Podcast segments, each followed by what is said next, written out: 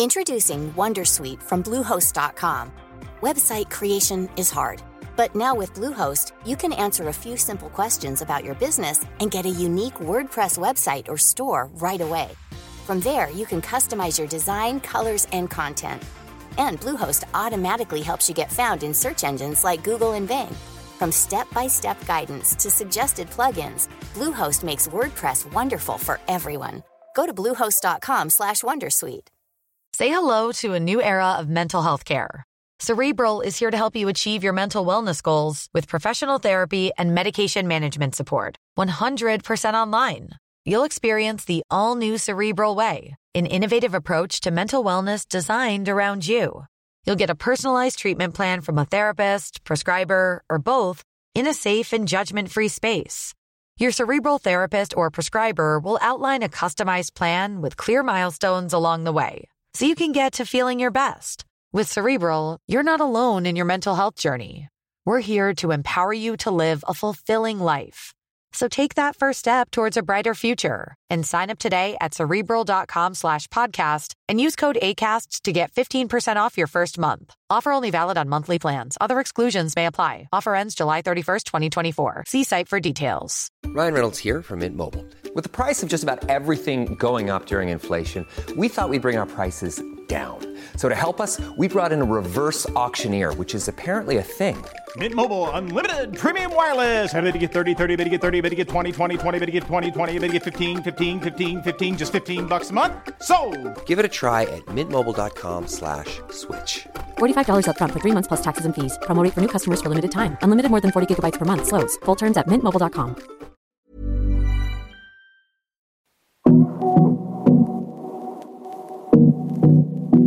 Hej och varmt välkommen till avsnitt 210 i Karriärpodden. Den här veckan gästas jag av Evelina Lindgren som är vd för förpackningsföretaget APAC som jobbar med smarta, hållbara och innovativa förpackningslösningar. När Evelina tog över vd-rollen som 29-åring i familjeföretaget i Mölndal utanför Göteborg så gjorde hon det som tredje generationen. Sedan dess har bolaget nästan dubblat sin omsättning. Evelina har prisats för sitt ledarskap och hamnade senast på plats två på listan över framtidens kvinnliga ledare i Sverige som chefsorganisationen Ledarna utser varje år. Hon har även vunnit EY Entrepreneur of the Year i Västsverige och varit nominerad till Svenska Dagbladets affärsbragd.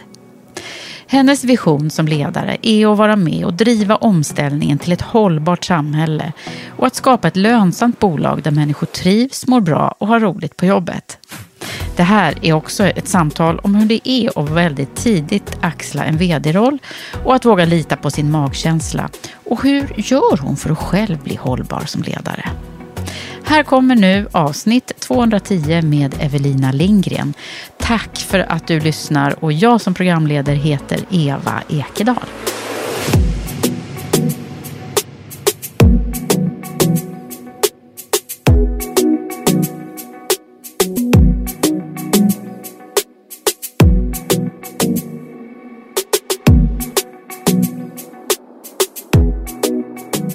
Evelina Lindgren, välkommen till Karriärpodden. Tack så jättemycket. Eller det är ju jag som är typ välkommen till dig kanske. Välkommen till APAC. Ja, tack. Och eh, jag har börjat med att spilla ut kaffe här i soffan så vi har haft lite tumult. Mm.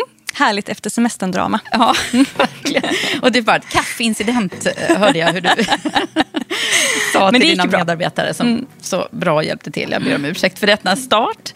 Men eh, nu så ska vi dra igång och jag är jätteglad över att få vara i Mölndal utanför Göteborg. Mm. Att ha dig här.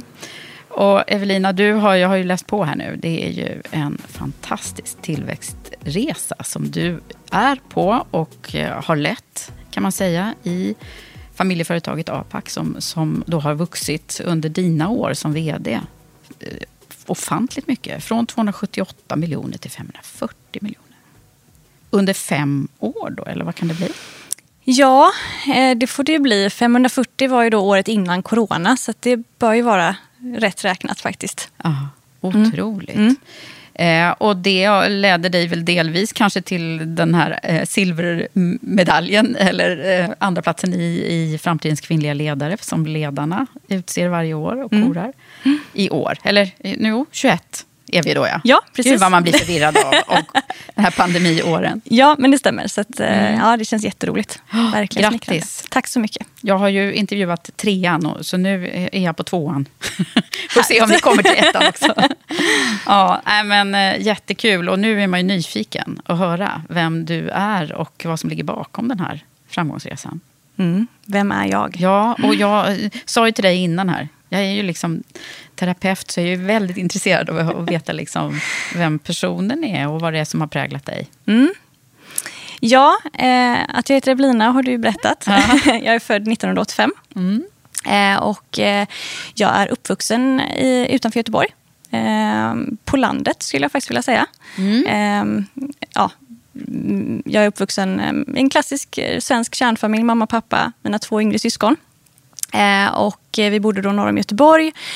Och eh, väldigt sådär idylliskt får man ändå säga. Man kunde gå till skolan och cykla till fotbollsträningen och bodde väldigt nära mina morföräldrar som var födda tidigt 1900-tal. Så de levde nästan som jag vet inte, en generation tidigare. Så de hade liksom får och mm. höns och satte sin egen potatis. Och vi fick vara med och du vet, mata lammen när de inte blev accepterade av sin mamma. Och vi fick eh, vara med och köra hölass och sådär. Så det var, jag det tror låter att det, idylliskt. Ja, men det var väldigt mm. idylliskt. Jag tror att man, sen så kanske man alltid målar upp en mer idyllisk bild ju äldre man blir. Det vet jag inte.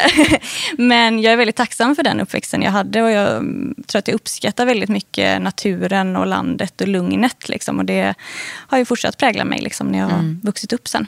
Men sen är det din farfar som ja, har grundat precis. företaget här. Det stämmer. Och min mm. farfar bodde inte på landet. Han bodde Nej. då vid havet istället. Så då har jag fått med liksom, vikten av eh, den naturen också. Mm. Jag har varit ute mycket vid havet. Så, eh, min pappa är uppvuxen i Bildal utanför mm. Göteborg. Mm. Eh, tillsammans med min farfar och min farmor. Då.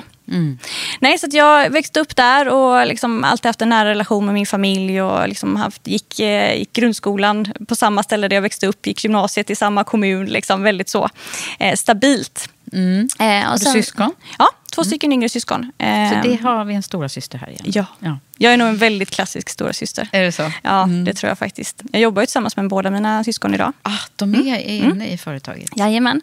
Nej, men jag tror i alla fall att jag var det. Sen kan man ju fråga sig vad en klassisk stora syster är. Men ganska lugn, alltså tog mycket ansvar och eh, tyckte att det var liksom... Jag vet inte om jag banade vägen så mycket. Jag var nog ganska liksom, skötsam ändå får man väl säga. Mm. Liksom. Eh, men men ja, växte upp i alla fall och alltså, alltid umgåtts mycket med min familj och fortsatt göra det eftersom vi jobbar tillsammans idag. Och sen efter studenten då så började jag plugga direkt eh, och läste på Högskolan Väst i Varberg. Eh, organisation och ledarskap och mm. marknadsföring. Det var liksom ledarskap redan då kan man säga som ja, var ett intresse då? Ja, det var egentligen så. Jag hade bestämt mig för att bli jurist. Jag var helt säker på det. Jag tror att jag hade läst lite för mycket John Grisham-böcker. Men eh, jag var helt säker på att det är liksom min framtid. Jag hade rätt bra betyg i skolan och tänkte att men då får man göra något med dem. Liksom. Eh, eller om det var omgivningen som tänkte det, jag vet inte. Men jag sökte jurist i alla fall och kom också in eh, på Göteborgs universitet, vilket ju var ganska svårt då. Liksom.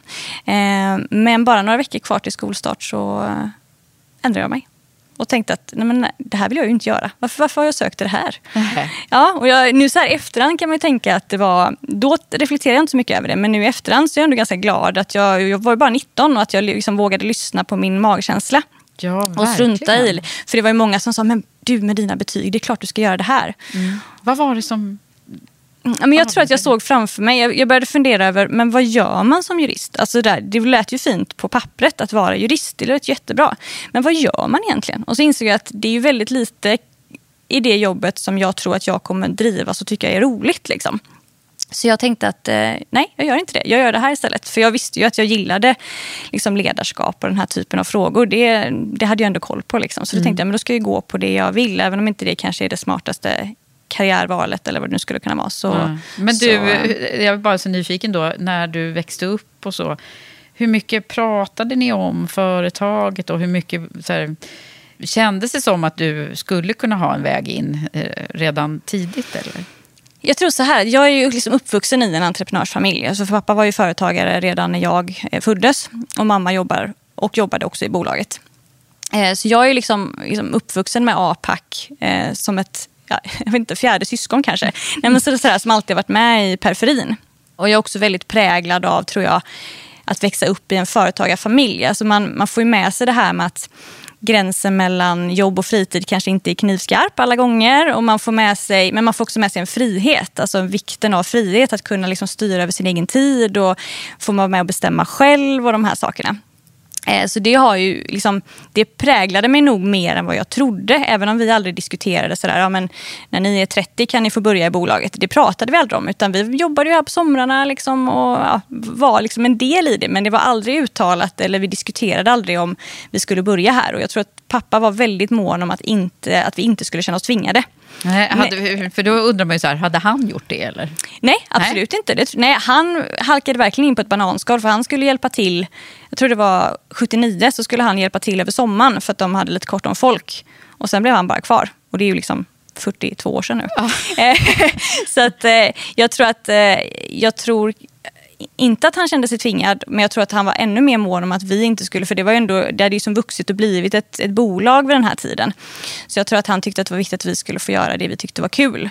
Så att han var nog näst, det var nästan som man kände kanske att nej men här ska vi inte jobba mer än här måste vi jobba. Okay. Eh, så att ja. jag, jag tänkte nog att ja, men, någon gång kommer jag säkert landa där, men vi får se när det blir. Det var lite den liksom, tidsaspekten jag hade på det. Ja. Så att, eh, det är ja. ju ändå intressant, för man skulle ju kunna tänka sig så här att, eh, att man präglas eh, indirekt, så att säga. Mm. Att, att välja de, de valen som sen leder hit. Då, så att säga. Men... Ja, och jag, jag har tänkt på det mycket efteråt, om det var så eller inte. Men jag, jag tänkte nog ändå så att jag kommer landa här någon gång. Men det sa jag inte till pappa utan, och inte till mamma heller. Utan jag, jag körde mitt race liksom och tänkte att jag ska plugga, jag ska skaffa mig en bra utbildning och så får vi se var det landar. Liksom.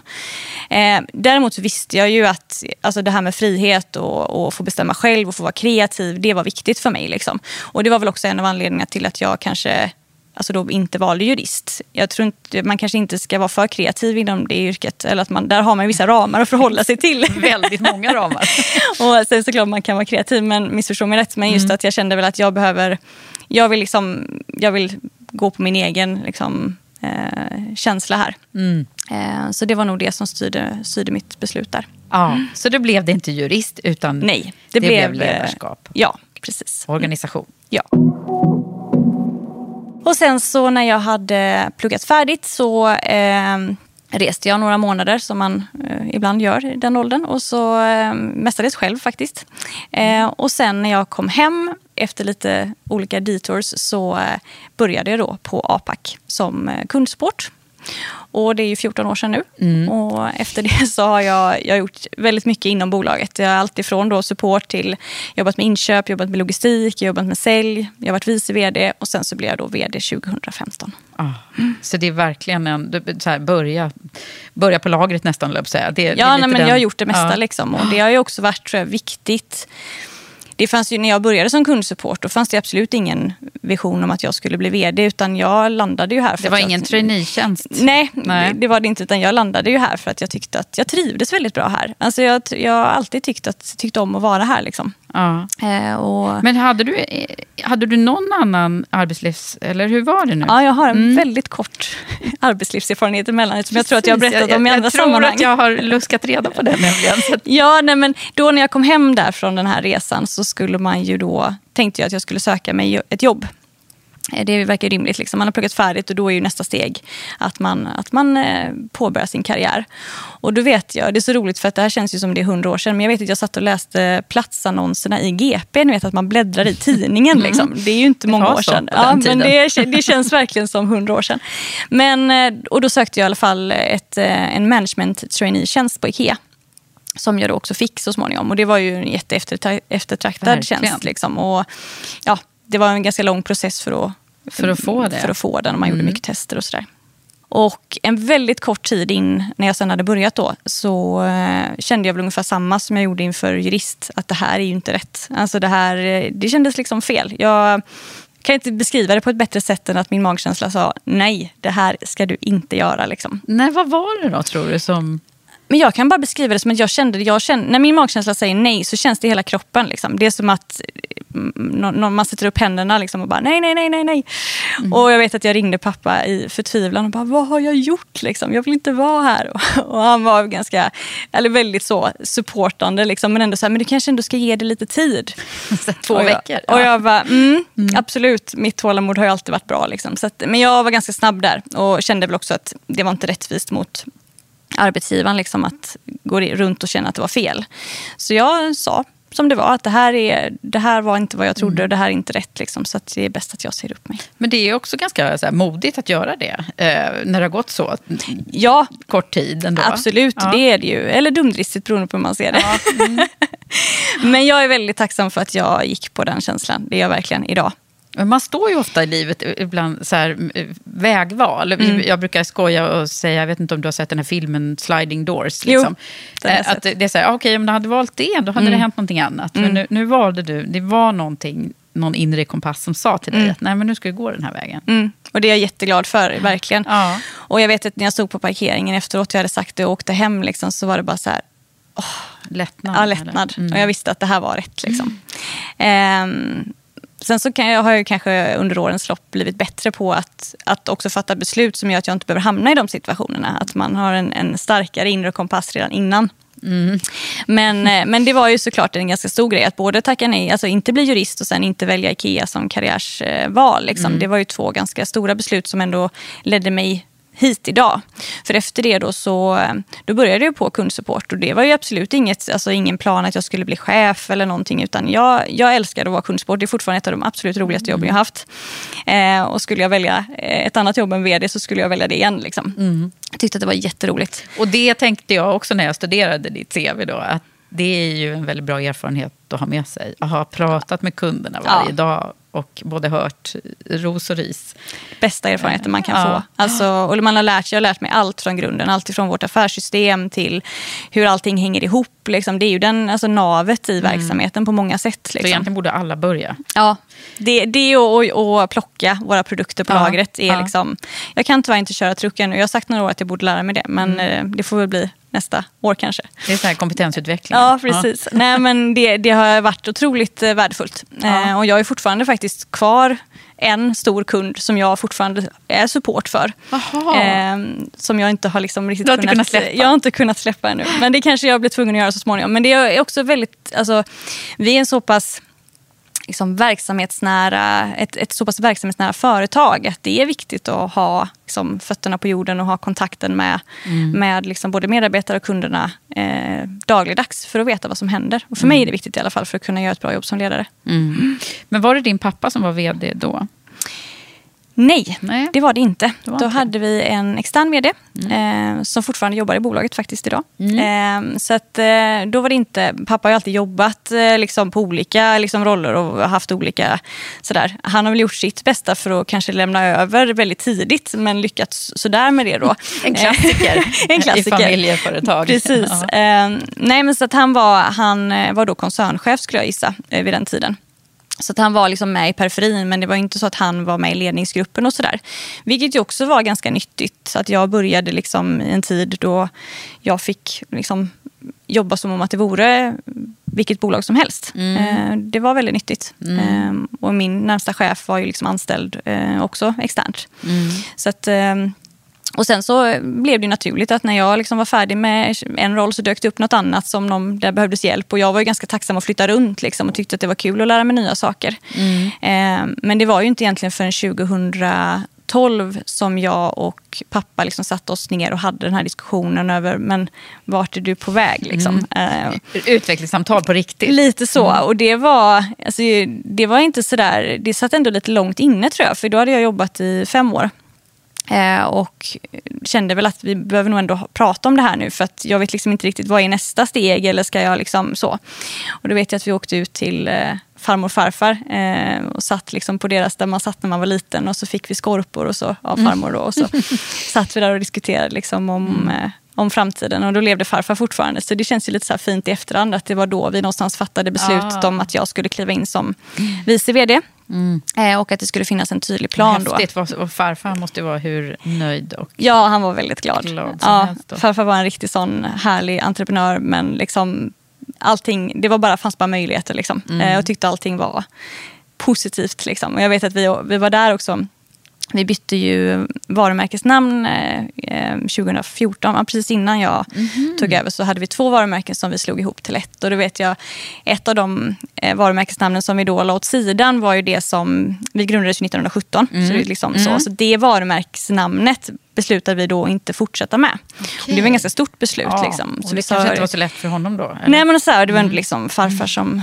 som köpte bolaget då. Och så, där. Ja, så då åkte vi, var vi där och så liksom visade vi för farfar och så sa vi liksom att, ja, men vad tror du om det här?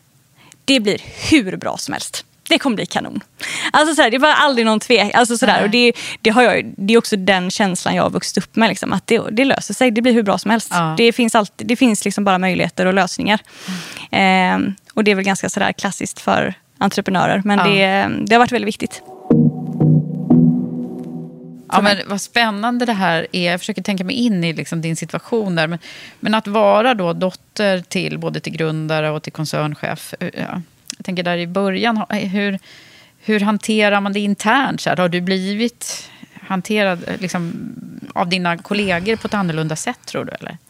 Alltså, jag tror att jag har ju varit här sen jag var liten. Alltså mm. på olika sätt. När vi var små så hjälpte vi till att packa julklappar. Och så, så jag har ju vuxit upp med, vissa som jobbar här har ju jobbat här sen jag föddes. Liksom. Eh, mm. Så det blir ju en väldigt speciell situation. Och jag tror att jag tror kanske att det har varit naturligare för andra än... Alltså att, att, men det är klart att Evelina ska jobba här, eller varför inte? Ja. Eller liksom sådär. De har jobbat med farfar och sen med pappa och då känns det ganska naturligt att jobba med mig också. Mm. Så jag har aldrig upplevt det som, eh, jag har alltid upplevt det som väldigt naturligt. Eh, liksom från, från medarbetarnas sida och fått väldigt bra support och väldigt positiva hejarop. Mm. Eh, och det har varit väldigt kul. Jag vet, jag vet när, när jag pratade med Katrin Löfberg som, mm.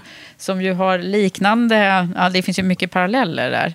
Eh, då, då så, så, jag tror att det var hon som sa att, att hon var tvungen att på något sätt eh, bevisa sig lite mm. mer än vad man kanske skulle göra annars. Att jag är bra på det här, inte bara för att jag har, har eh, mina rötter här. Jag förstår verkligen den eh, känslan, men jag har aldrig känt så. Nej. Jag har alltid känt... Jag har nog alltid känt att det varit viktigt. Alltså jag har alltid haft bolaget i fokus. Har aldrig tänkt så mycket på vem jag är eller varför jag är här eller om jag är bra eller om jag är dålig. Mm. Eller liksom, nu är jag här och jag vill göra ett bra jobb och jag har liksom målet där framme. Mm. Eh, så att jag aldrig, liksom, sen kan jag ha upplevt liksom, liksom press utifrån min egen eh, person, liksom att jag vill göra ett bra jobb. Men aldrig utifrån att jag måste bevisa mig för att jag är liksom en i familjen. Alltså, jag har inte känt det. Och det. Jag tror väldigt mycket beror på att jag har haft så fantastiska människor runt omkring mig. Mm. Ja, det, har varit, alltså, det är underbara människor att jobba med. Och ha, liksom, det har varit någon slags gemensam linje över tid. Liksom, att det alltid det alltid varit bra support. Så mm. att, eh, det är jag nog ganska lyckligt lottad mm. eh, med. Ja, men det, för det skulle ju kunna vara en lite speciell Absolut. situation. Att man... Och det förstår jag. Alltså, sen, mm. Men sen kan jag, tror jag också att, att jag då har jobbat med mycket saker. Att jag kan verksamheten väldigt bra. Eh, tror jag påverkar det också. För att man känner sig trygg med att jag vet vad jag pratar om. Mm. Jag tror nästan att det har varit eh, mer utmanande om jag hade jobbat tio år någon annanstans och sen kommit in på vd-posten ja, och sagt att nu ska jag driva det här.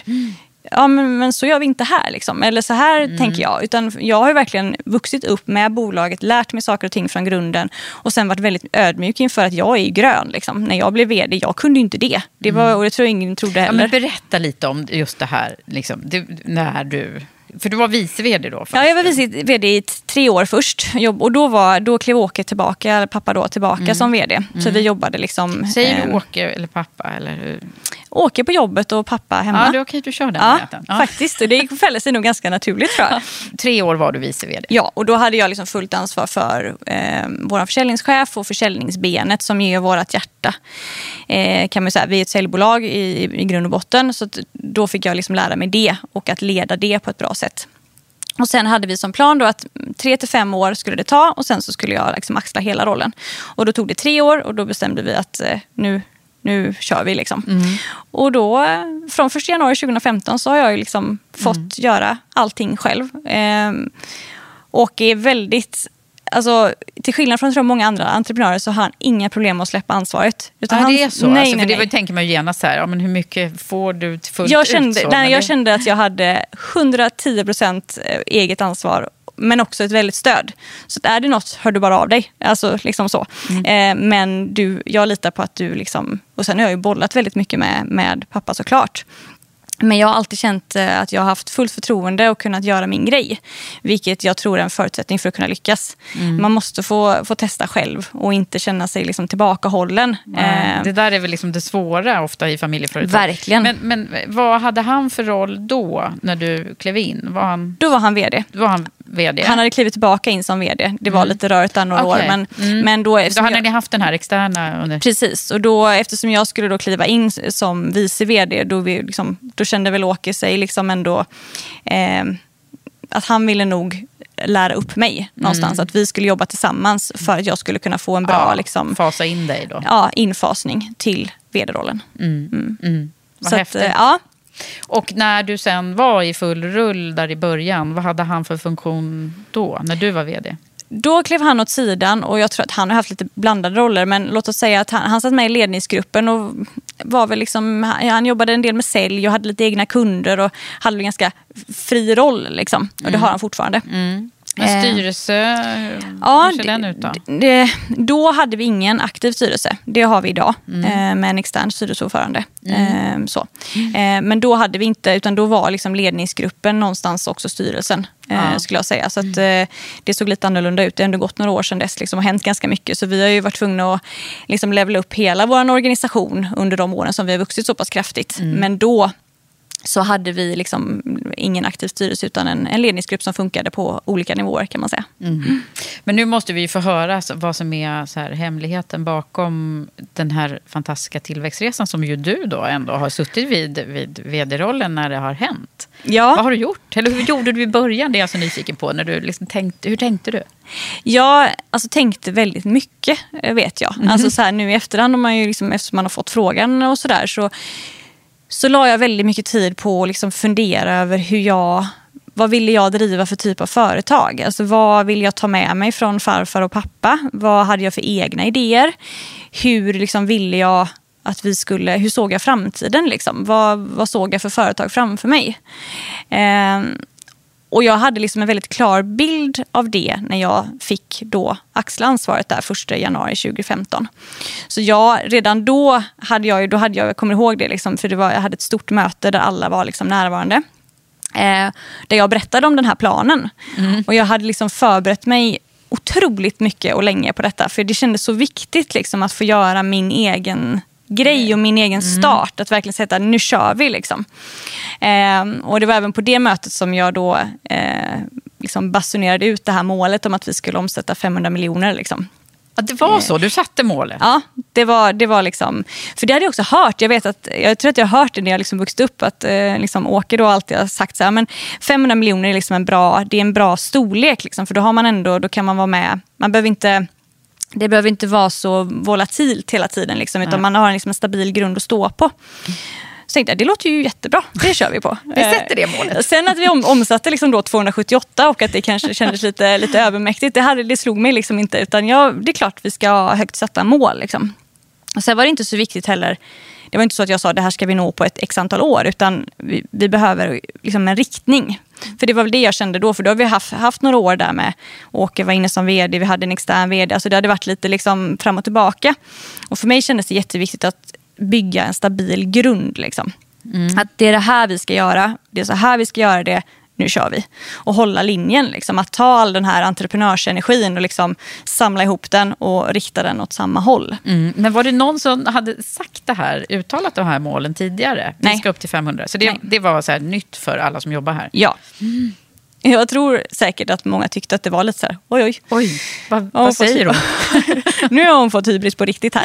Eh, Men samtidigt så tror jag att mm, alltså, folk tyckte att det var väldigt kul. Ja. Det var min känsla. Att man så här, shit, nu, nu Människor lite, vill ju ha ja, men så här. Mm. lite nytändning och liksom, ja, det här är ju lite svårt. Vi får se. För det tror jag också, jag har aldrig varit rädd för att sätta mål som jag inte vet hur man ska nå.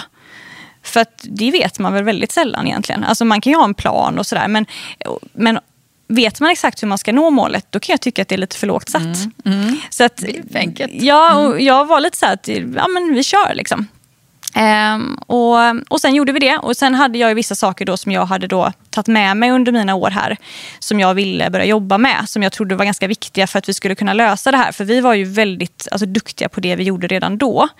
Men jag upplevde att vi, hade, att vi var lite för splittrade som företag. Att vi behövde liksom starkare företagskultur. Mm. Och det är något som jag brinner väldigt mycket för. Fick du användning för dina studier här? Ja, men lite så. Och även att jag alltid känt... Liksom, det var ändå lite, nu är det ju väldigt populärt att prata företagskultur. Mm. Då var det kanske fortfarande lite på gränsen till om det var eh, viktigt att jobba med eller inte. Mm. Eh, sådär. Mm. Nu är det ju liksom, nu kan man läsa om det i Dagens Industri ja, varje ja, dag. Liksom, ja. Att det är ganska givet att det är viktigt. Företagskultur och värderingar, det pratar vi om hela tiden. Då var det kanske fortfarande, det är inte många år sedan, men det var ändå mm. lite, fortfarande lite flummigt. Men jag var väldigt säker på att eh, vi behöver liksom tajta ihop det här teamet och liksom pratade också mycket kring APAC-familjen. Eh, det här med att koppla ihop familjeföretagande med att det inte bara är vi som familj utan att det är vi gemensamt. Familj, hela, hela, ja. allihopa. Mm. Så det var liksom det och att sätta liksom ett tydligt mål var väl mina första liksom sådär. Mm. Um, det hade du bestämt dig för? Ja, det hade jag bestämt mig för. Och sen eh, började vi jobba. Ja. Um, Hur gjorde du då? Vi hade, då ska man också säga att vid den här tiden så hade vi ändå några år bakom oss av Alltså vi, vi hade inte jättehög lönsamhet. Eller jag tror att året innan jag tog över så var det i princip plus minus noll. Mm. Och liksom tillväxten hade inte, liksom, var inte där vi önskade att den var. Liksom. Så det var ändå lite utmanande situation. Liksom. Mm. Så att vi var ju tvungna, vi var ju liksom tvungna att fokusera på verksamheten. Alltså liksom sälj, alltså sälja, eh, liksom, Sälj mer så blir det. Sälja mer våra produkter, våra, mm. liksom, vårt erbjudande. Och det var också vid den här tiden som vi då slog ihop de här varumärkena. Så det hände väldigt mycket. Det, det vi gjorde då liksom var ju att börja jobba med de här frågorna, alltså kulturfrågor. Att börja jobba med liksom hur man sätter mål, liksom strukturer, workshops. Att, att vi jobbar med en, liksom, jag har jobbat med en extern coach som har hjälpt mig väldigt mycket i att mm. moderera mm. olika sittningar. Att få liksom alla att känna delaktighet i vår verksamhet. Mm. Alltså man pratar jättemycket kring delaktighet eh, och det kan ju låta lite som ett floskligt ord upplever jag, att man liksom slänger sig med det. Men det handlar ju om att alla måste vara medvetna om vad det är man gör och mm. hur det man gör i vardagen hänger ihop med helheten. Mm. Alltså så enkelt är ja, det. Och alla bidrar ju på olika sätt. Hundra procent. Och jag hoppas i alla fall, och tror i alla fall att jag är duktig på att liksom poängtera för alla som jobbar här hur fantastiska de är men också hur fantastiskt viktiga de är för, för det vi gör. Alltså mm. Utan medarbetarna är vi ju ingenting. Liksom. Och Jag tror att det, ibland tar man nästan det för givet liksom, att, det, att det är så. Men, men alla måste känna det och måste känna att det jag gör i vardagen det har betydelse. Eh, och det bidrar på det här sättet. Så jag liksom, gjorde väldigt mycket olika saker. Allt ifrån då, liksom, att man hade workshops till att man, jag hade liksom infomöten där jag då hade samlade alla och var noga med att liksom, flera gånger per år uppdatera. Vad händer? Vad gör vi? Hur går det? Alltså mm. återkoppling, feedback. Mm. Om man sätter ett mål och når det, mm. ja, men måste vi återkoppla på det. Gick det bra? Gick det dåligt? Varför har vi inte nått det? Varför har vi nått det? Vad gjorde vi bra? Vad tänker vi nu? Och sådär. Och jag är väldigt, tycker det är väldigt kul med kommunikation. Mm. Eh, så det är också någonting som jag jobbade väldigt mycket med. Att få till internkommunikation på ett bra sätt. Att, eh, liksom, om någon börjar, hur skriver vi då? Om det har hänt något, när kommunicerar vi det? I vilken ordning? För det är också en sån sak som skapar väldigt mycket osäkerhet i företag och som man kanske inte lägger så mycket tid på. Att hur kommunicerar vi? Mm. Ehm, och jag, jag läste... Det är oftast det som kommer i alla medarbetarundersökningar så brukar ju, mm. här, kommunikation och information brukar hamna lågt i de flesta bolag. Ja, och jag tror att det har vi, liksom, jag läste journalistik på gymnasiet. Ah. Eh, alltid tyckt väldigt mycket om att skriva och läsa. Så det har varit väldigt nyttigt för mig att ha med mig. Att jag liksom kan liksom föra ut budskap på olika sätt i organisationen på ett mm. sätt som gör att alla känner att de är med på noterna. Liksom. Så det är bara en sån... Alltså, det låter som ganska små saker men de var så viktiga. För mm. att, och det kanske var stor förändring tänker jag då. Ja, tidigare det var det. För det, med tanke på att det också var lite rörigt så tror jag liksom den här känslan av att få landa, få trygghet. Alltså man ska inte underskatta trygghet. Det är så otroligt viktigt. Eh, det är ju för mig med, att känna mm. trygghet i det, i det, man gör och i den rollen man har. Liksom att man, man, vet, man vet vad som gäller. Mm. Eh, så, så de sakerna tillsammans var ju det som vi gjorde där i början. Say hello to a new era of mental health care. Cerebral is here to help you achieve your mental wellness goals with professional therapy and medication management support. 100% online. You'll experience the all new Cerebral Way, an innovative approach to mental wellness designed around you. You'll get a personalized treatment plan from a therapist, prescriber, or both in a safe and judgment free space. Your cerebral therapist or prescriber will outline a customized plan with clear milestones along the way so you can get to feeling your best. With Cerebral, you're not alone in your mental health journey. We're here to empower you to live a fulfilling life. So take that first step towards a brighter future and sign up today at cerebral.com slash podcast and use code ACasts to get 15% off your first month. Offer only valid on monthly plans. Other exclusions may apply. Offer ends July 31st, 2024. See site for details. Introducing Wondersuite from Bluehost.com. Website creation is hard, but now with Bluehost, you can answer a few simple questions about your business and get a unique WordPress website or store right away. From there, you can customize your design, colors, and content. And Bluehost automatically helps you get found in search engines like Google and Bing. From step-by-step guidance to suggested plugins, Bluehost makes WordPress wonderful for everyone. Go to bluehost.com/wondersuite. Hey everyone, I've been on the go recently Phoenix, Kansas City, Chicago. If you're like me and have a home but aren't always at home, you have an Airbnb. Hosting your home or a spare room is a very practical side hustle. If you live in a big game town, you can Airbnb your place for fans to stay in. Your home might be worth more than you think. Find out how much at airbnb.com/slash host. Hey, Dave. Yeah, Randy. Since we founded Bombus, we've always said our socks, underwear, and t shirts are super soft. Any new ideas? Maybe sublimely soft. Or disgustingly cozy? Wait, what? I got it. Bombus. Absurdly comfortable essentials for yourself and for those facing homelessness. Because one purchased equals one donated. Wow, did we just write an ad? Yes. Bombas. Big comfort for everyone. Go to bombas.com slash ACAST and use code ACAST for 20% off your first purchase. Millions of people have lost weight with personalized plans from Noom. Like Evan, who can't stand salads and still lost 50 pounds. Salads, generally, for most people, are the easy button, right? For me, that wasn't an option. I never really was a salad guy. That's just not who I am. But Noom worked for me. Get your personalized plan today at Noom.com. Real Noom user compensated to provide their story. In four weeks, the typical Noom user can expect to lose one to two pounds per week. Individual results may vary.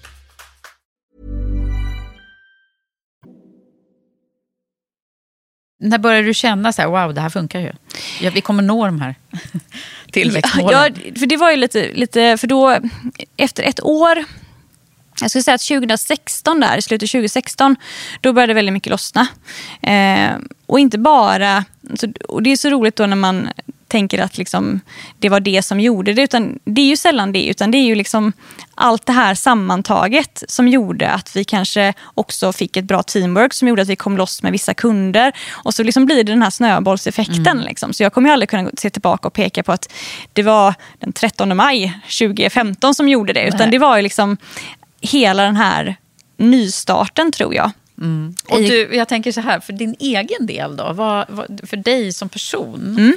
Var befann du dig här, så här rent emotionellt? Ja, här, har vi, här pratar man ju höga toppar och djupa dalar. Ja, säga. Men, det är det jag brukar undersöka. ja, alltså, när jag tog över vedrollen så var jag jätteglad. Alltså, det var en jätte, alltså, jag var väldigt stolt. Det var ju fantastiskt mm. liksom, roligt och jag är så glad att, alltså, att, att farfar fortfarande levde. Alltså, alla de här sakerna har ju mm. varit viktiga. Han liksom. inte längre nu? Nej, Nej, det gör han inte. Mm. Um, så det var, jag var väldigt stolt, glad och tacksam över att jag hade fått förtroendet och få liksom göra det här. Eh, och jag kände att för första gången kände jag nu är jag ju på rätt plats. Mm. Det är ju här jag ska vara. Liksom. Eh, inte som, lite som på Ikea-parkeringen där. Liksom att, nej, men jag kände, mig, jag kände att nu, nu kör vi. Liksom. Mm.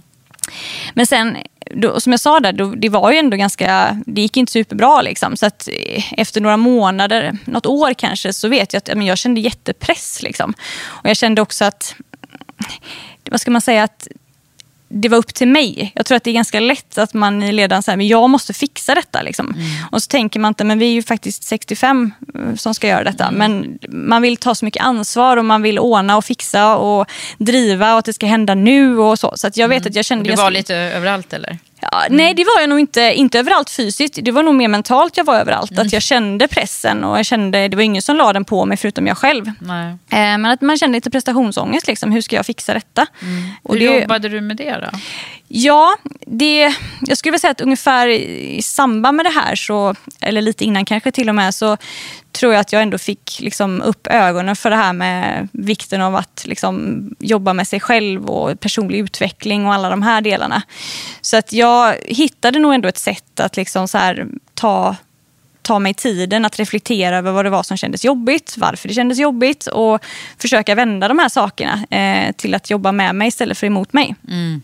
Eh, och det kan ju vara lättare sagt än gjort. Men jag tror att jag var ändå ganska öppen för det och tyckte att det var kul och spännande att inse att jag kan ju påverka ganska mycket själv över hur saker och ting känns. Mm. Eh, och hur jag tänker och hur jag liksom så mm. agerar. Hur har, du, har, har det varit i form av eh, coach nämnde du, men eh, konkret, vad var det andra för typer av verktyg som du... Det har nog varit väldigt blandat. Alltså sådär, både liksom att man läst mycket och tyckte att det varit intressant. Eh, man kanske lyssnar på poddar, man mm. inspireras av andra, man läser böcker. Coach som du sa, liksom att man... Men sen tror jag också att den insikten som har kommit mer och mer liksom, har ju varit att det blir väldigt lätt, det är, väldigt, det är lite trendigt också att prata om personlig utveckling tänker jag. Mm. Alltså det är ganska många som gör mm. det. Liksom sådär, att det är viktigt att jobba och så tänker man, vad, vad menar de då? Och så tittar man väldigt mycket utåt. Man försöker hitta svaren liksom, hos andra, mm. eh, eller i böckerna, eller i vad det nu var, bloggarna mm. på Instagram. Mm. Men att man till slut måste landa i att det är liksom någonstans inåt man behöver titta. Eh, och jag tror att den insikten fick jag nog ganska tidigt i och med att det var så pass mycket ansvar, det hände så mycket, att jag var liksom tvungen att dela med de sakerna och inse att okej, okay, det är jag själv som, som behöver liksom göra detta. Mm. Jag kan inte, det är ingen coach som kommer fixa det här åt mig. Eh, och det hjälper inte att jag läser peppande citat på Instagram. Det blir inte bättre. så, kanske för just millisekunder, men jag behöver hitta min egen trygghet liksom, och känna att okej, okay, det, det blir bra. Liksom. Ja, för det där är, det, det, kan ju ta olika lång tid det där innan ja. man kommer på. Och jag, jag läste faktiskt ett citat här som är skrivet om dig, tror jag. Eller att du har sagt att man behöver inte vara en maskin för att få vara en bra ledare. Nej. Eh, är det du som har sagt det? Det kan jag säkert ha sagt. Ja. Jag, vill, jag kan, inte, kan inte gå i god för det. Men det tror jag, eller det, det är nog lite så jag menar också. att man jag insåg väl ganska snart att det är liksom ingen som kommer tacka mig för att jag lägger all den här pressen på mig själv eller vill att saker och ting ska hända nu. Eller att vi ska liksom, för det är ju, det är ju bara jag själv som gör det. Mm. Och att det jag behöver hushålla med min energi också. Eh, för jag ger ju väldigt mycket energi till, till mitt jobb och till mina fantastiska medarbetare. Men jag måste också hitta sätt att ladda upp liksom energi igen. Mm. Och att det kommer vara viktigt att hitta den balansen om jag ska orka göra detta många, många år. Mm. För det här var ju bara ett år. Det var väl lite så det blev också. Att jag har, gjort, har jag varit vd ett år nu, hur ska jag, jag göra detta i tio år? Alltså det blev ganska uppenbart för mig ganska tidigt att jag behöver hitta ett sätt som funkar över tid. Mm. Um, och jag var också väldigt... Liksom, det var en av de grejerna som jag kände när jag liksom tog över. Att för mig var det så himla viktigt att få driva lönsamt bolag men också en riktigt härlig arbetsplats det här med liksom jobba, ha ett hållbart arbetsliv och sådär. Och då mm. kände jag också, det var ju det som stod i nomineringen ja. Utav, eh, när du hamnade på Framtidens kvinnliga ledare-listan. Precis, och då mm. kände jag också att jag måste ju verkligen leva som jag lär. Mm. Eh, och det här var ju väldigt liksom, nära in på att vi började jobba, liksom att jag började som vd. Så det blev ganska naturligt för mig att att jobba med frågan själv också. För mm. det är ju, liksom, om man tittar på ledarskap och sådär, så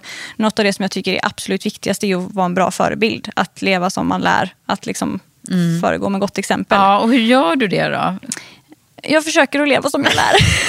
ja, men vad, är det? vad innebär det? Att du nej, går hem mig, i tid? Och, Nej, men för mig innebär det att man, att man behöver, alltså, återigen om man tittar, att lyssna, alltså, lyssna in. Att lyssna, vad funkar för mig? Hur vill jag, liksom, vad, är, vad är en bra vardag för mig? Vad är, vad är roligt? Är det, är det att alltid liksom, är det att hinna träna tre gånger i veckan? Är det att liksom, äta bra mat? Är det att umgås med vänner? Är det att liksom, resa? Vad är det som gör att jag tycker att livet är roligt? Mm. Eh, och så försöka skapa sig liksom, en, en vardag som som, som stödjer det. Liksom. Det, och det, det är inte samma för alla. Nej, precis. Och det tror jag har varit viktigt. att jag, och för mig då att liksom föregå med gott exempel, då var ju det. Men jag måste ju fundera ut, hur vill jag hur vill jag leva? Alltså hur vill jag att min livsstil ska se ut? För det här med att vara egenföretagare, då går ju allting ihop. Liksom. Så det är inte det att jag går hit och så går jag till jobbet så går jag hem. Så därför var jag tvungen att tänka igenom liksom att om, om jag tänker på jobbet hela tiden, vad behöver jag göra? Hur kan jag koppla bort lite då? Eller hur kan jag liksom hämta... Hur, precis, och hur, hur har du format det då? Ja, men för mig är det viktigt, exempelvis, jag går alltid upp väldigt tidigt på morgonen. Eh, men då åker jag inte hit direkt. Utan jag har alltid liksom en, en stund på morgonen där jag gör någonting för mig själv. Det kan vara att jag tränar eller går en promenad eller mediterar. Eller liksom så här. Men för mig är det viktigt att få en lugn start på morgonen. Det insåg jag väldigt tidigt. Att jag, min pappa exempelvis, han har alltid varit här extremt tidigt på morgonen. Alltså, jag tror att det kom från när vi var små och han inte kunde sova. Liksom, så, så var han här tidigt. Liksom. Man kunde, vi var ändå vakna på natten så kunde han lika gärna åka. Så han kunde vara här typ liksom, halv fem på morgonen. Oj. Ja. Och då, då har man liksom vuxit upp med att det kanske är så man gör. Men, men jag var ganska så här, men nej, jag tycker inte att det är, Jag måste få en bra, lugn start. Så det var en sak. Att hinna träna eh, är jätteviktigt för mig. Det är liksom, Så att, att, att se till att få till det. Det kan ju innebära att jag behöver lunchträna någon dag i veckan då, om jag har varit ute och rest. Eller, det kan ju liksom, så, men att se till att få, få in det. Men också att få liksom tid att reflektera över saker och ting. Att inte bara köra på. För det är så otroligt lätt. Och jag tänker att många som lyssnar är ganska likadana. Att man är alltså, ambitiös, man är driven, man ser målet och så bara kör man. Alltså, sådär. Men jag har verkligen fått inse den, kanske ibland hårda vägen, att jag kommer ju aldrig bli färdig. Alltså, jag kommer inte vakna upp en dag och känna "Ha, då var jag klar med, med att vara vd på APAC. Nu kan jag liksom sitta här och dricka kaffe. Utan då hoppas jag i och för sig att jag slutar om jag känner så. men, men att det kommer alltid finnas någonting som jag kan göra bättre. Och jag tror att när man har jobbat några år så liksom, det går ju cykler. Liksom. Och så inser man att jag blir ju inte klar. Så att om jag då bara kör på och jobbar lite hårdare och lite snabbare, så det går inte. Liksom. Ehm, så att den insikten också, att, att, att liksom ha ett rimligt tempo i det jag gör. Ehm, för det tror jag också liksom, avspeglar sig på när man jobbar med medarbetarna. Alltså att hur mycket man pushar saker och ting och vilket sätt man gör det på. Sen är det viktigt med deadlines och det är viktigt att komma framåt och så vidare. Men jag tror att är man väldigt driven och är man entreprenör så är det lätt, nästan lätt att forcera saker och ting för att man har så mycket energi och driv och man bara ser målet där framme. Så att, eh, det här med att vara liksom en, en förebild och föregå med gott exempel handlar ju också om det i vardagen. Att, att ha en, en attityd som är liksom accepterande och positiv till det vi håller på med. Eh, och låta liksom alla få hinna med. Mm, jag tänker så här, man ska vara snäll mot sig själv är det ju många som, som säger. Och det är ju lite det man är när man ser till att det blir hållbart. Men man är ju också kanske en snäll chef om, Ja. eh, om, man, om man är tillåtande på det sättet. Och jag tänker att det här tycker jag är en av de största liksom, missförstånden. För när man pratar om det här så vet jag att när jag hörde detta från början så kunde jag vara så här, men äh, då kommer man ju ingen vart. Alltså, det, liksom, det, det var lite så förknippat med mesighet för mig. Ehm, det kanske inte är så för alla, men jag kände lite så i alla fall. Att, men, man, har ju, man vill ju bara köra liksom. Men jag har verkligen fått inse att det inte det där är inte riktigt samma sak. Att, att man kan vara liksom snäll och man kan ha ehm, en väldigt så här härlig attityd till saker och ting och ändå komma framåt. För det betyder inte att man slutar driva. Det betyder bara att man driver på ett annat sätt. Ehm, och det är väl också en sån Verkligen. insikt man har fått. Liksom. Ja. Ehm, Vad bra jag- att, du, att du fick den så tidigt, mm. säga. för det är ju ofta så här att det kan gå olika lång tid innan man, innan man kommer på det här. Och också innan man kommer på vad man ska, hur man ska leva sitt liv Mm. för att hålla själv som ledare. Och där tänker jag att det är många som, det är lätt så här när man, precis som det du sa, att man blir så influerad av andra och tror att, det, att jag ska göra likadant. Och sen så är det ju så att vi, vi behöver hitta vår egen modell. För det, det är lätt att det blir så en prestation till. Så här, ja, men om den tränar fyra dagar i veckan eller fem dagar, då ska jag också göra det.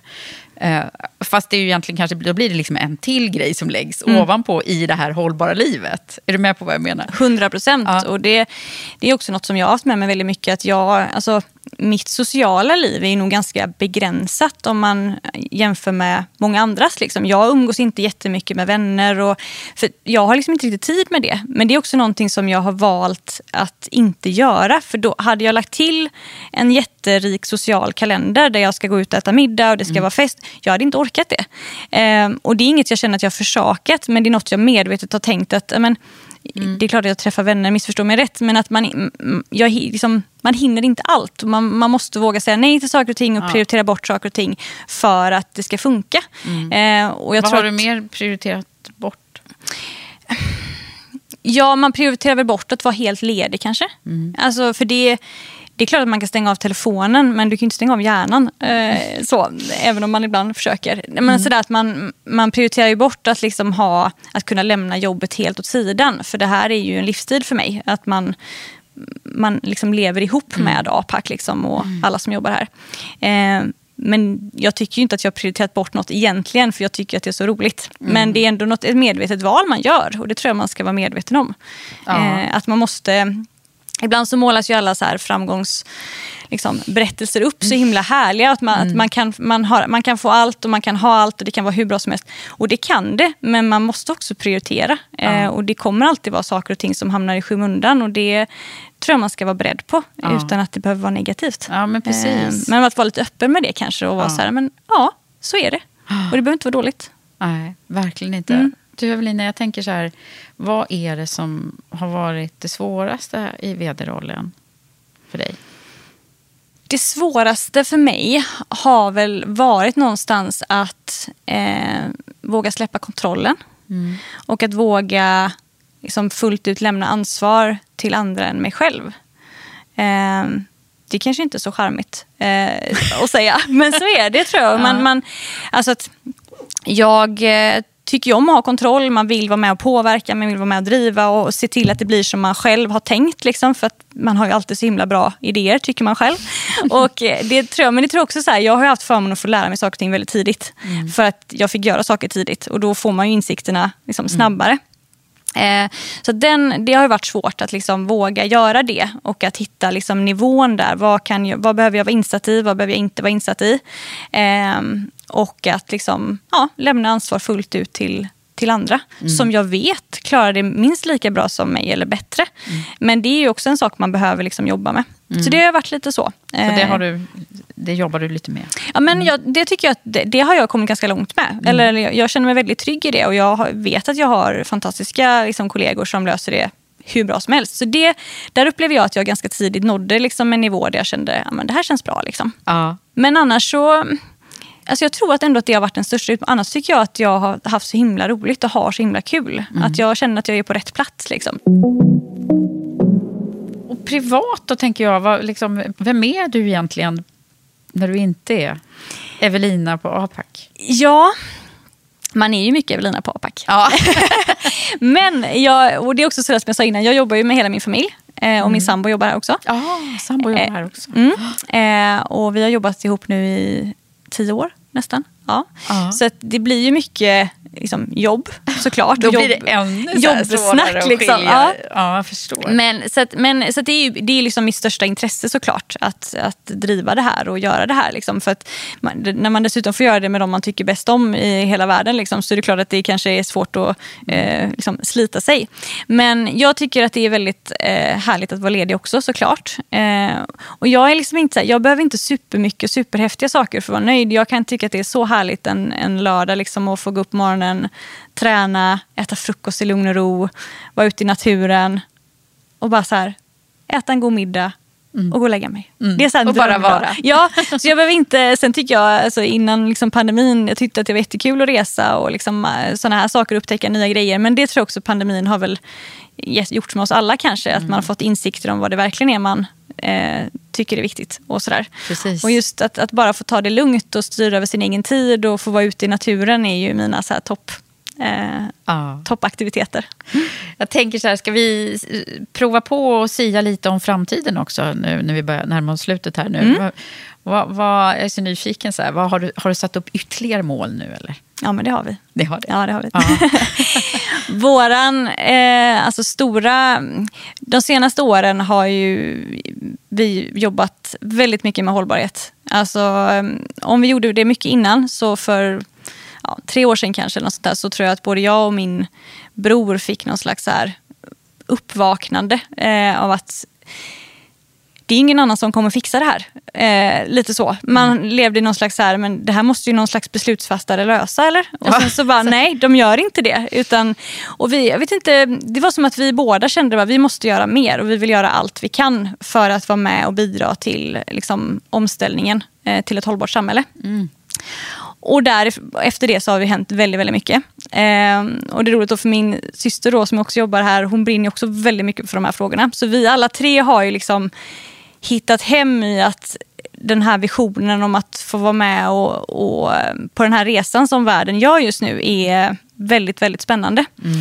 Så vi har ju satt som mål att vi ska vara eh, helt klimatneutrala 2030 eh, utan att köpa oss någon slags kompensation för det, det är ju lite med begreppen här Precis, nu då. Eh, men, eh, och vi ska nå eh, liksom en omsättning på APAC då av, om en miljard. Mm. så det är en jättespännande resa vi har påbörjat nu.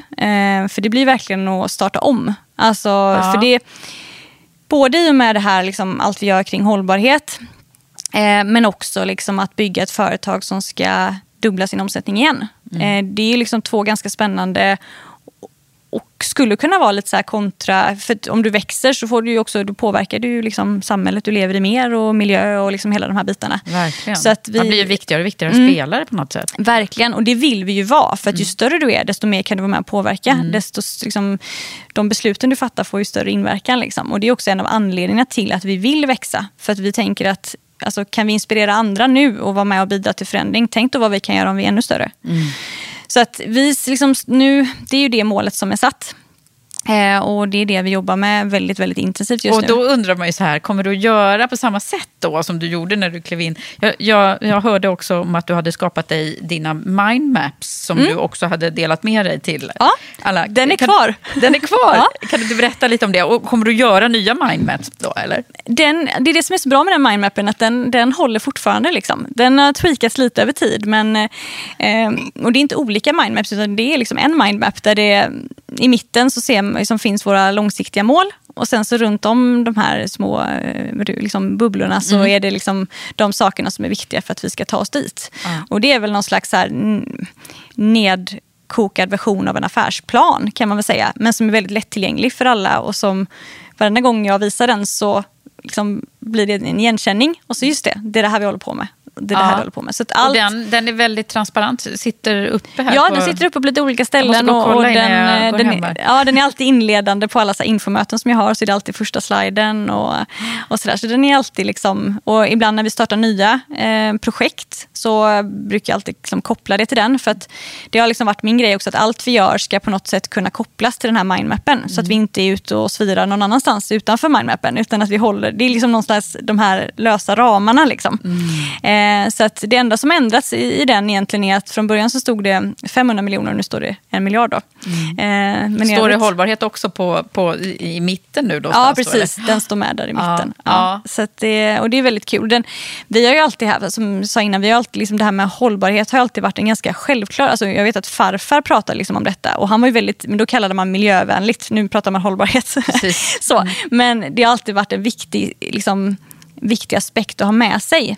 Men det som har hänt de senaste åren är ju att det har blivit mycket mer relevant och akut. Alltså det, det här är den enskilt största utmaningen som världen står inför. Mm. Ingenting annat kommer ju spela någon roll. Så därför så känns det också oerhört relevant att vi gör allt vi kan och lite till för att vara liksom först bäst, eh, längst fram, alltså sådär, mm. för att kunna inspirera andra. För vi har ju den liksom förmånen att kunna fatta beslut själva. Vill vi investera i solceller, då gör vi det. Vill vi eh, att vi ska köra med ellastbilar, då gör vi det. Alltså, även om det får kosta mer. Mm. Och då tänker jag att det om någonting är ju en väldigt bra förmån att dra nytta av. Eh, att, man, att vi kan påverka själva. Eh, så det har liksom blivit en sån grej som och jag tror att alla här också signar upp på att de tycker att det är väldigt kul att, ja, att jobba med de här frågorna. Har du fått med dig eh, alla på detta nu? Vi har haft alltså, så spännande år här nu de senaste...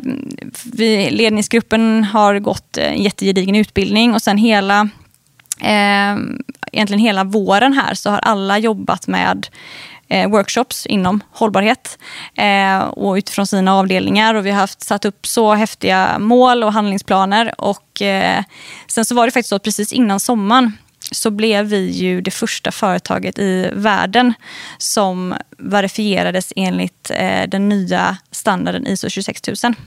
Nej, det är jo, sant? det är så häftigt. Det är så roligt. Det var verkligen som att eh, gå i mål och starta igång något samtidigt. Ah. Eh, för Sverige då är som första land i världen har man valt att inkludera FNs globala mål Mm, i standarden. ISO. Mm. Japp. Och plus en egen deklaration då. Och då ska man nu då från och med innan sommaren kunna verifieras enligt den här. Och då var vi det första företaget som blev verifierade. Åh, Eh, vad roligt. ja. Grattis. Vilken grej. Ja, det var det verkligen. Och då känner jag också så här, vi är inte störst i Sverige. Vi är, liksom inte, vi, vi är 65 anställda, vi omsätter en halv miljard. Det är inte ett litet företag, men det är inte ett jätteföretag. Men kan vi vara först med en sån sak, alltså vad kan man inte göra då? Ja. Och visa att det går. Man behöver inte ha hur mycket pengar som helst, man behöver inte vara hur många människor som helst. Men Nej. man kan göra bra grejer ändå. Ja, om alla gör något. Mm. Alla kan göra något. Ja men verkligen. Och Mm. det, så det, om vi då spanar in i framtiden så, eh, om jag känner oss själva rätt så kommer vi nå längre eh, med det här innan Ja. 2030. Men det är liksom det som är målbilden. Ja, Eh, och det vad jobbar vi- häftigt. Ja. Ja, det, jag ser verkligen fram emot att, att följa dig och bli nyfiken på vad som... Alltså, jag kommer tillbaka om fem år och kollar läget. Du är hjärtligt välkommen. men, men innan det så tänker jag att vi ska runda av lite. Och då, eh, jag brukar ibland eh, vilja sätta min gäst lite grann i... så här, Okej, men om vi låtsas att du är tillbaka där liksom i, i de tidiga åren kring 20 eller sådär. Vad, är det någonting som du hade velat säga till dig själv? Som du hade fått mått bra av att höra då, som du vet nu? Ja, jag hade nog sagt till mig själv att eh, våga alltså börja jobba med det här med liksom din egen person och din egen personliga utveckling eh, tidigt. Att bli medveten om och lära känna sig själv och sina styrkor och svagheter. och att eh, ja, våga börja jobba med de frågorna. Men också vara noga med att lyssna på dig själv och inte lyssna på alla andra. Alltså, jag har nog alltid försökt göra det, men jag, jag har varit ännu tydligare med att gå på din egen inre röst, liksom, gå på din magkänsla. Eh, alltid. Eh, för den kommer leda dig rätt. Liksom. Ehm, men sen hade jag nog också sagt, ehm, jag hade nog pratat hållbarhet också. Då tror jag. Jag hade sagt att det här, det här kommer bli liksom viktigt. Ehm, och det hade jag sagt om jag träffade en 20-åring idag. Liksom, att sätta in i den här frågan. Eh, och sätta in i vad det innebär för dig själv som privatperson och i din yrkesroll.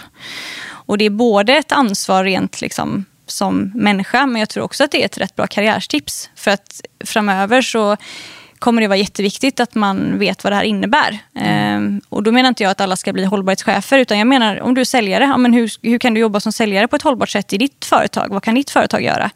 Eller om du jobbar i hotell och restaurang, det spelar liksom ingen roll. Men sätta in i frågan och, och ehm, förstå vad det här innebär och förstå vilka utmaningar vi står inför. Ja, det kanske inte var någon som, som hade kommit på det när du var 20. Nej, Nej. det var, då var det fortfarande lite så här, Ja, det är bra med miljö. Det var fortfarande miljövänligt. Det var lite grönt. Det var liksom sådär.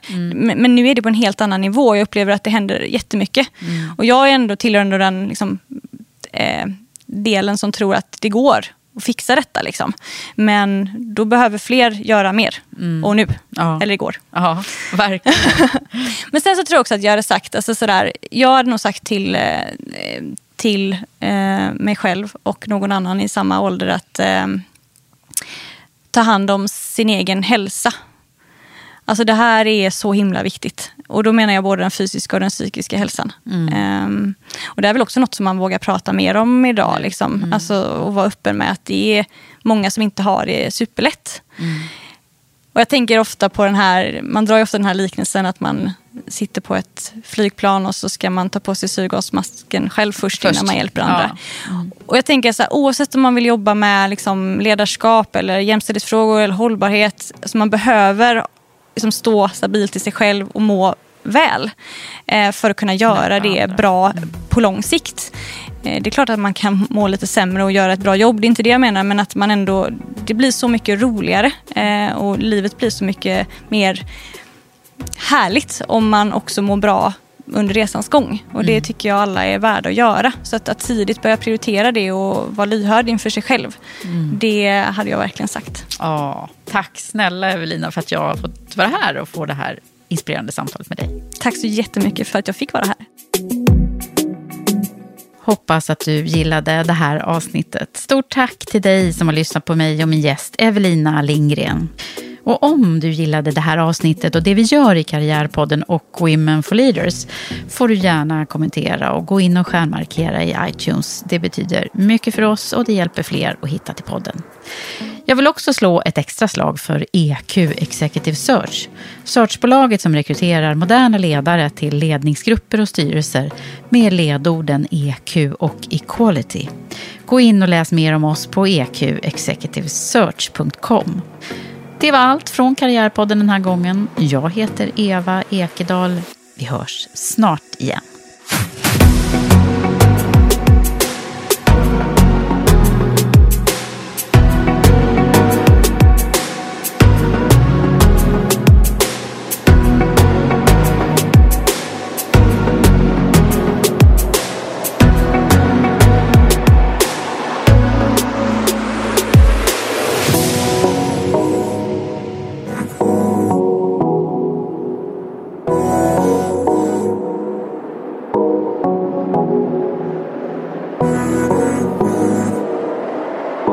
Música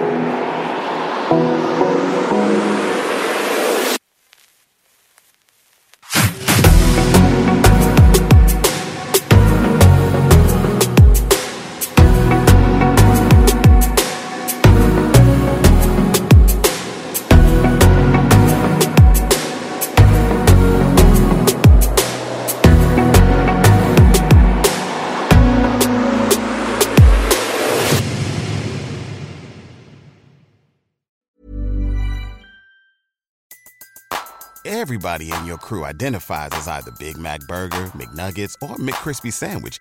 But you're the filet fish Sandwich all day.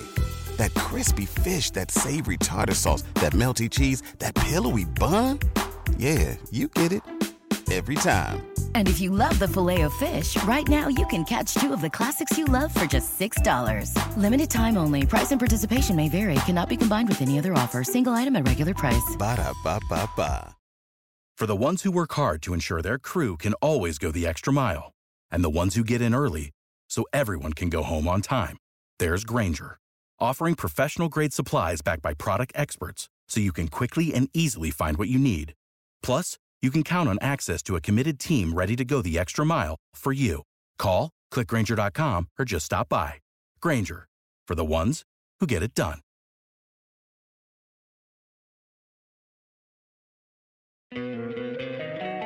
Don't you love an extra $100 in your pocket?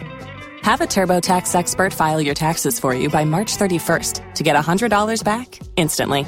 Because no matter what moves you made last year, TurboTax makes them count. That means getting $100 back and 100% accurate taxes only from Intuit TurboTax. Must file by 331. Credit only applicable to federal filing fees with TurboTax full service. Offer can be modified or terminated at any time.